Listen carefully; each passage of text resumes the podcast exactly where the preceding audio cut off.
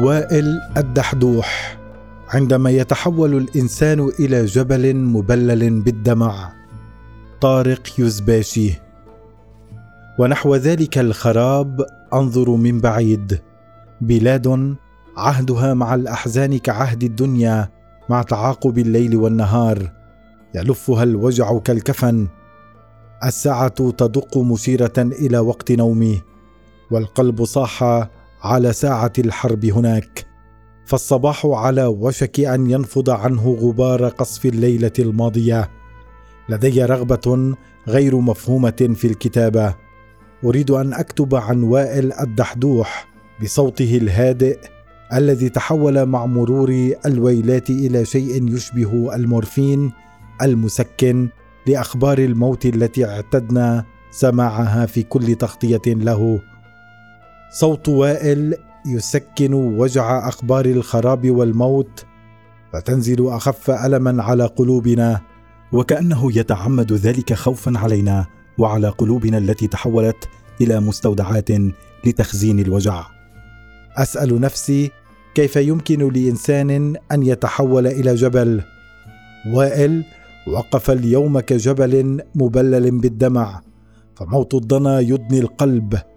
ربما قدر البشر على مساحة تلك الأرض أن يولدوا جبالا مبللة بالدمع.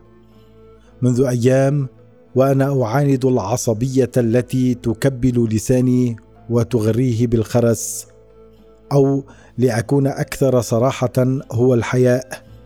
فكيف يمكن لنص أن يعكس الوجع كما يجب أن يكون؟ وفي كل محاولة أكتبها يتحول النص إلى شيء يشبه شوكة أو شفرة سكين حادة. لا بد أن تغرز في قلب القارئ. في كل محاولة أكتبها يتحول النص إلى شيء يشبه ورقة النعي مدججه بأسماء الموتى. في كل محاولة أكتبها يتحول النص إلى شيء يشبه المشرحة أو المقبرة الجماعية. في كل محاولة أكتبها يتحول النص إلى شيء يشبه كيس نايلون كان يستخدم يوما لحمل الخضروات والفاكهة لكنه تحول إلى كفن.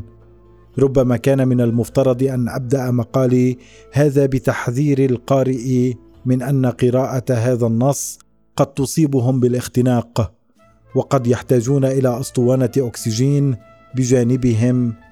على كل حال لطالما كتبت عن البشر ممن تتحول أعينهم إلى أرحام حبلى بالأحلام الميتة فالمتعارف أن الإنسان عندما يبكي تخرج من عينيه مادة سائلة مالحة تسمى الدمع. إلا أولئك البشر عندما يبكون تخرج من أعينهم أحلام ميتة. ربما كنت أكتب عنا وعنهم. صحيح أن الخراب هناك والقهر المغلي هناك والوجع هناك والصواريخ تنزل هناك لكنها تغرز في قلوبنا أينما كنا. أشعر بغصة في قلبي وأكاد أجزم بأنكم تشعرون بغصة في قلوبكم أيضا. هي تلك الصواريخ التي ما زالت تغرز في قلوبنا. أصعب ما يمكن أن يعيشه الواحد منا اليوم هو أن يكون سوريا يخزن أوجاع غزة في قلبه فقلوبنا تحولت منذ سنوات إلى مستودعات ضخمة لتخزين الأوجاع. نحاول جاهدين ترتيب قلوبنا والتخلص من بعض الأوجاع القديمة التي أكلها العث والفطريات نتيجة الرطوبة. وإيجاد مكان يستوعب الأوجاع الجديدة. هناك مثل شعبي سوري يقول يلي ما داء المغراية ما بيعرف شو الحكاية والمغراية هي العصا التي تستخدم لتحريك الغراء في أثناء تسخينه. نحن نعرف تماما طعم الخذلان فقد ذقنا طعم المغراية عندما تحولت حكاية موتانا وبيوتنا المهدمة وأحلامنا المبتورة الأطراف إلى أخبار عاجلة على شاشات الأخبار شاهدها العالم من شرقه إلى غربه ثم أكمل روتين يومه الطبيعي وكأن شيئا لم يكن أصعب ما يمكن أن يعيشه الواحد منا اليوم هو أن يكون سوريا ولا يملك سنتيمترا واحدا لتخزين أحزان جديدة لا بد أن يصاب بسكتة قهرية. أحاول الكتابة جاهدا. لا أستطيع التأكد من سلامة كلماتي لغويا. فجثث الأطفال تتراكم على شاشة لابتوبي وتحجب عني الرؤية. أصواتهم أسمعها جيدا. تطلب مني كتابة نص يصيب القارئ بالتعب. منذ تلك التغطية التي تلقى فيها وائل الدحدوح خبر مقتل زوجته وابنه وابنته وحفيدته. وأنا أسأل نفسي كيف يمكن للإنسان أن يتحول إلى جبل مبلل بالدمع؟ موت الضنا يهشم فقرات القلب ويشل اللسان. لكن وائل الدحدوح وقف أمام الكاميرا كالجبل ودموعه تحفر خده كجدول ماء. هل هي أقدارنا التي تحولنا إلى جبال مبللة بالدمع؟ أم أن تعاقب الويلات على بلادنا وتواريخنا وأيامنا جعلنا نمتلك جينات من حجر؟ كيف يمكن لأب أن يحمل ما تبقى من أطفاله في كيس نايلون ويمشي على قدميه إن لم يكن جبلا مبللا بالدمع؟ وجوه الناس باتت كالحة كحديقة أطفال مهجورة.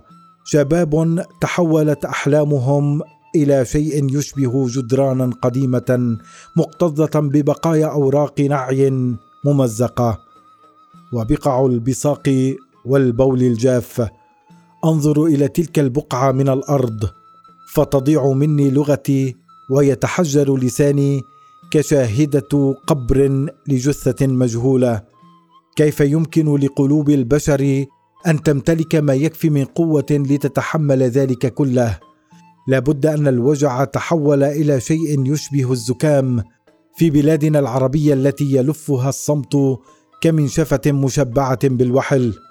عندما يتحول الإنسان إلى جبل مبلل بالدمع يصبح الوجع عادة نألفه ويألفنا ويرافقنا إلى قبورنا التي أصبحت جماعية ربما حتى لا نشعر بالملل.